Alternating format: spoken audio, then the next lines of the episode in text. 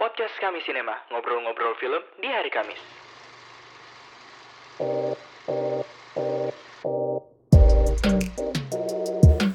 Selamat pagi, selamat siang, selamat sore, dan selamat malam para pendengar setiap podcast kami Sinema. Akhirnya nih kita upload episode baru lagi, dan episode kali ini kita ada di segmen Highlight News.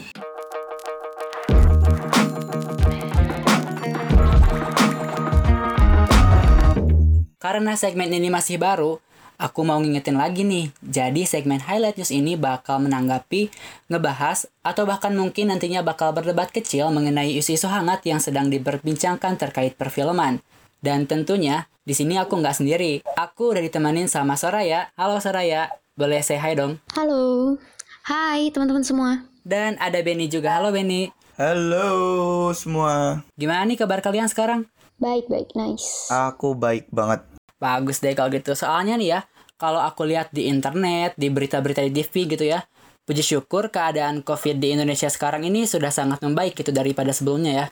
Ditambah dengan eh, angka vaksinasi yang tinggi, ya kita sih berharapnya gitu eh, semoga pandemi ini segera berakhir. Tapi kalau ngomong-ngomong soal keadaan COVID yang membaik nih, ternyata hal ini juga berimbas baik kepada sektor industri film. Ya ini dengan dibukanya kembali bioskop-bioskop di tanah air kita ini. Eh, kalian udah sempat ke bioskop lagi atau belum? Belum nih, aku belum sempat belum sempat ke bioskop. Sama aku juga tapi pengen cepat-cepat ke bioskop.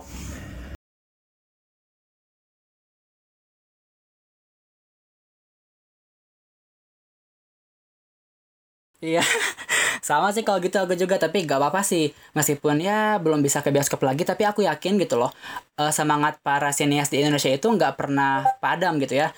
Nih salah satu buktinya kemarin eh, beberapa waktu yang lalu ada film seperti yang judulnya seperti dendam Rindu harus dibayar tuntas menjadi eh, film Indonesia pertama yang menang di ajang Locarno Film Festival dan baru-baru banget ini ada film Yuni karya Camila Andini yang berhasil memenangkan Platform Prize di Toronto International Film Festival. Dan eh, film ini juga disebut sebagai kemenangan Asia Tenggara gitu loh. Iya, iya. Eh, jadi dari aku ya, ini benar-benar kabar yang baik banget dari industri perfilman Indonesia. Nah, mau ngulas dikit nih. Eh, film Yuni ini adalah karya sutradara Kamila Andini. Film yang ditulis bareng Prisma Rusdini yang dibintangin oleh aktor dan aktris ternama tanah air kayak Arawinda Kirana, Dimas Aditya, Ayu Laksmi, dan Kevin Arilova. Nah, film ini menceritakan tentang sosok Yuni, seorang remaja perempuan dengan mimpi yang besar, tapi hidup di dunia yang kecil. Nah, yang kecil maksudnya itu eh, hal-hal di sekitarnya kayak stigma masyarakat yang sempit. Yuni yang diperanin oleh Arawinda Kirana ini dibingungin harus memilih antara mempercayai mitos atau mengejar cita-citanya. Ya betul betul betul kata eh, Soraya. Film Yuni memang bisa dikatakan layak untuk menjadi sebuah pemenang dari Toronto International Film Festival karena di tahun 2021 ini khususnya untuk kategori platform prize itu eh, di Toronto International Film Festival atau TIFF menjadi salah satu penghargaan yang emang eh, seleksinya tuh nggak main-main. Karena platform prize juga itu eh, menjadi sebuah penghargaan yang dipersembahkan untuk film-film yang punya nilai artistik tinggi dan juga visi penyutradaraan yang kuat di mana film Yuni juga bersaing dengan beberapa film eh, seperti Arthur Rainbow yang di eh, sutradarai oleh Lawrence Chanted, Drunken Birds oleh Ivan Grobic, Grobovic, Irwik oleh Lucille Hazafli. Wah, susah banget. Astagfirullah. Intinya itu. Terus sudah Salon, Good Madam, Mountain Story, banyak banget film-film yang menjadi saingan Yuni dan aku yakin panitia atau selektor TIFF memilih Yuni sebagai film dengan pemenang penghargaan platform prize adalah keputusan terbaik. Karena bahkan nih validasi tersebut datang dari majalah Time, salah satu majalah yang bergengsi yang mereka di mana majalah Times menulis bahwa TIFF merupakan festival film yang paling pengaruh. Walaupun emang kita harus eh, akui masih kalah level dibandingkan dengan festival film Cannes atau Sundance, tapi TIFF ini salah satu yang levelnya tuh paling ramah lah kalau dikatakan ya bahasa awamnya untuk pengunjung biasa sebagaimana dilansir dari The Guardian. Dan juga kalau teman-teman tahu nih TIFF tuh pernah uh, disubmit atau beberapa film Indonesia yang ikut serta untuk submit di festival ini ya. kayak Gundala, Marlina si pembunuh dalam empat babak, Sakala Niskala, Headshot, sama Interchange. Iya, jadi uh, keputusan yang tepat banget ya uh, juri dalam memilih film Yuni ini karena denger-dengar nih film ini berhasil membuat juri tersentuh karena substansinya membawa perspektif baru dan intim untuk sebuah cerita remaja. Nah kalau dari pendapatku nih, Kamila Andini ini sebagai sutradara sangat berhasil mengangkat isu perempuan secara lebih peka. Ya jadi visinya dalam uh, film ini untuk memerdekakan wanita itu sangat sukses. Beliau mendobrak stigma lewat bahasa visual dan memberi sudut pandang yang lebih luas kepada penonton lewat film ini dan bagi aku itu tuh nyampe. Nah, hal ini yang aku rasain kenapa film Yuni ini spesial dan pantas ngedapetin penghargaan itu.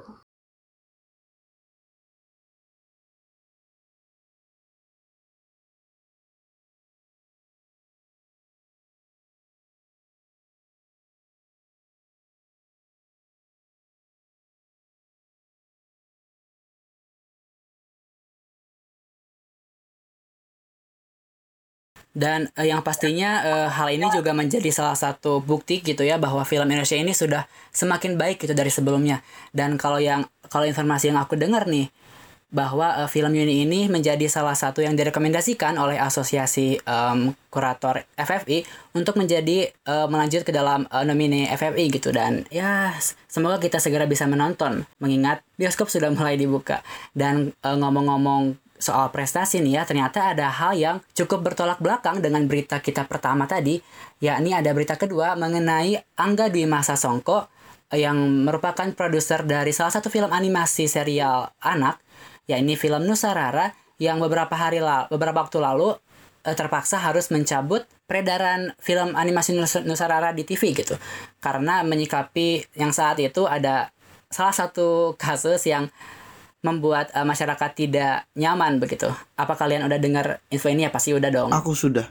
Aku sudah dan emang sangat uh, angkat topi untuk Angga Dwi Masa Songko dengan pernyataan dan juga sikap yang dilakukan karena uh, menurut aku ya secara personal emang kalau kita tarik lagi gimana uh, hal atau kasus yang men-trigger Angga atau Sas Angga di masa Songko ini untuk melakukan sikap tersebut itu sebenarnya bukan hal yang sangat berkenaan dengan dunia industri perfilman gitu.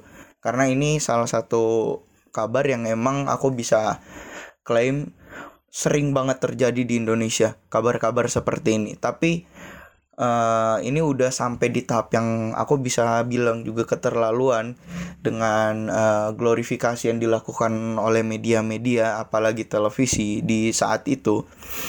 Uh, dan juga uh, aku bisa yakin ini bukan serta merta menjadi tindakan untuk uh, tanda kutip promosi film Nusa dan Rara tapi emang film ini uh, sorry langkah ini diambil karena satu bertolak belakang dengan uh, tema dari film Nusa Rara juga visi dari Angga di Masa Songko di mana ingin menampilkan pesan baik dan juga ingin welcome kepada anak-anak tentang film gitu. Ingin merangkul dengan film keluarga. Dan itu sangat-sangat bertolak belakang dengan hal yang dilakukan oleh media platform televisi terkait kasus ataupun berita tentang salah satu selebriti yang baru keluar dari penjara.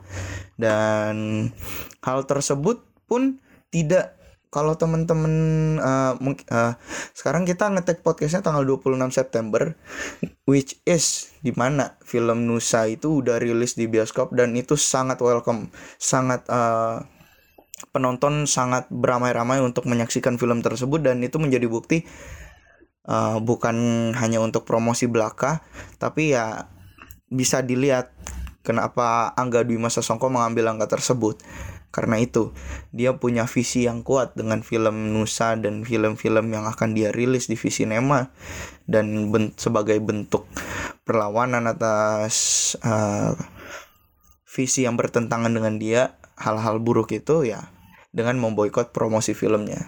Jadi kayak tanpa promosi di televisi pun ternyata film Nusa tetap laku gitu kalau dari aku kayak gitu.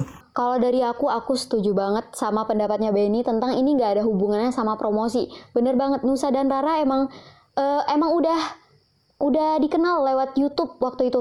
Karena salah satu konten yang digemari anak-anak Nusantara kan. Nah, walaupun ditarik dari pertelevisian, Nusa dan Rara masih bisa disaksikan lewat YouTube, bahkan sekarang ya, ada aplikasi yang bisa diunduh via Google Play Store ataupun juga Apple Store yang namanya Nusa and Friends. Nah, lewat aplikasi ini publik masih bisa nyaksiin episode-episode Nusa dan Rara, jadi nggak bakal tuh yang namanya ketinggalan. Nah, dan lagi ya, uh, udah konfirmasi juga nih, uh, bakalan diangkat ke layar lebar dan udah udah tayang juga ya? Iya, betul. Nah iya, itu pendapat aku nggak ada hubungannya sama promosi. Iya, jadi uh, terlepas dari adanya tanggapan dari orang ah ini mungkin bagian dari promosi atau apa pun itu yang jelas uh, apa yang sudah dilakukan oleh Angga Dwi Masa Songko ini merupakan suatu hal yang baik gitu ya. Dan untuk kalau misalkan ngomongin kualitas film Nusantara ini, ya gak usah ditanya gitu ya. Uh, buktinya kemarin uh, film animasi ini sudah menjadi salah satu um, film yang berhasil tembus di di Busan International Film Festival. Tapi nih, kalau ngomongin uh, masalah tentang seorang produser ini ya. Kalau misalkan Angga di masa Songko ini berperan sebagai produser, ada salah satu sutradara uh, Hollywood yang mengeluarkan komentar uh, yang cukup uh, memancing emosi orang, yakni ada Denis Villeneuve yang komentarnya menjadi sorotan karena menyebut Marvel Cinematic Universe itu hanya sebuah cut and paste gitu. Nah, itu gimana nih menurut kalian hal itu tuh maksudnya apakah sebuah komentar buruk atau bagaimana? Nah jadi ya, ya uh, kita baru-baru ini dengar Villeneuve baru-baru ini ngomentarin soal film uh, Marvel. Nah ini mengundang mengundang itu banget sih, mengundang komentar orang. Dia bilang kalau film Marvel itu kebanyakan copy paste. Ya kalau dari aku ya nggak nggak bisa di itu juga ya, nggak bisa diperdebatin ini. Ya dia bebas berpendapat. Maksudku kayak gitu. Oke, kalau aku sih gini ya nangkepnya uh, hal ini udah jadi sebuah paradoks. Aku bisa yakinkan itu pendapatku paradoks. Kenapa? Karena bahkan dari zaman kapan pun uh, bahkan kalau kita tarik beberapa era sebelumnya gimana pandangan para sinema para filmmaker yang bertentangan dengan film-film era Hollywood di masa itu dan hingga lahirlah gerakan-gerakan French New Wave dan sebagainya. Itu jadi salah satu trigger di mana uh, film pasti ada masanya atau ada pasarnya untuk uh, kalau bahasanya mungkin mainstream ya pasar mainstream dan ada yang emang pasarnya anti mainstream atau ada segmented banget. Dan emang kita nggak bisa pungkiri gimana kesuksesan film MCU bahkan bukan cuman MCU kalau bisa aku bilang beberapa film-film lain yang bukan non atau bisa dibilang non superhero itu menjadi salah satu dari sekian banyak film-film yang bisa dikatakan masuk dalam industri mainstream yang emang film popcorn kalau bahasanya. Dan kalau kita ingat-ingat lagi gimana Martin Scorsese berpendapat kalau semua pembuat film di eranya telah memperjuangkan sinema agar dianggap sebagai sebuah seni ya inilah bentuk seni yang kebetulan penikmatnya banyak. Karena pada dasarnya kan ya kita udah tahu lah prinsip seni kayak gimana kan. Dan uh, aku setuju-setuju aja karena emang uh, dengan idealismenya Denis Villeneuve itu mungkin berbeda dengan target marketing MCU, tapi bukan berarti film-film MCU itu tidak layak untuk ditonton. Buktinya kita udah bisa lihat gimana Shang-Chi and the Legend of Ten Rings itu berhasil dapat respon positif dari berbagai macam kalangan, entah itu reviewer ataupun uh, penonton umum pada dasarnya pada halayaknya. Jadi aku bisa katakan uh, sedikit relevan, sedikit tidak relevan juga sebenarnya pendapat ini. Tapi harus kita maklumi karena pada eranya pasti akan ada terus eh, masa-masa uh, seperti ini. Oh iya, tadi kamu sempat nyinggung soal Martin ya, uh, soal gimana dia memperjuangkan sinema agar dianggap sebagai sebuah seni. Ya, aku setuju banget sama pendapatnya Martin itu, kenapa dia komentar. Tapi kalau yang Villeneuve ini aku agak bingung atau aku curiga sih dia pengen promosi ini uh, film terbarunya dia yang Dun yang akan segera tayang. Iya, Dan. Mm. Aku curiganya ke situ. Iya, karena kan film dan juga kan udah berapa kali. Saya ingatku baru sekali apa dua kali. Itu kan intinya yang dibuat sama Dennis Villeneuve ini adalah adaptasi juga kan ya. Terus kayak udah ada versi re, re, intinya kayak jadi versi remake lah untuk dia jadi kayak Hmm. Cut and paste. Jadi kalau misalnya kita mau mikir positif nih, mungkin apa yang dikatakan oleh Dennis ini merupakan hal yang wajar gitu ya mengingat ya seperti yang dibilang Benny tadi bahwa setiap orang itu punya uh, seleranya masing-masing gitu dan atau mungkin seperti yang Soraya tadi bilang bahwa uh, apa yang sudah dilakukan oleh Dennis ini uh, merupakan bagian dari promosi film terbarunya. Wah keren banget sih pembahasan kita kali ini. Jadi kita nggak cuma berdiskusi gitu ya, tapi kita uh, mampu bertukar pikiran gitu. Oke kalau gitu makasih buat Soraya dan Benny dan aku juga nggak akan lupa buat bilang makasih buat kalian semua yang udah dengerin podcast ini, podcast kami Sinema dari awal sampai selesai. Semoga kita sehat selalu, biar bisa terus berkarya ada tentunya dan terus dengerin podcast kami gitu. Ya udah deh kalau gitu, aku Awan izin undur diri dan sampai jumpa di episode podcast kami Sinema berikutnya. Bye bye. Sampai jumpa. Dadah.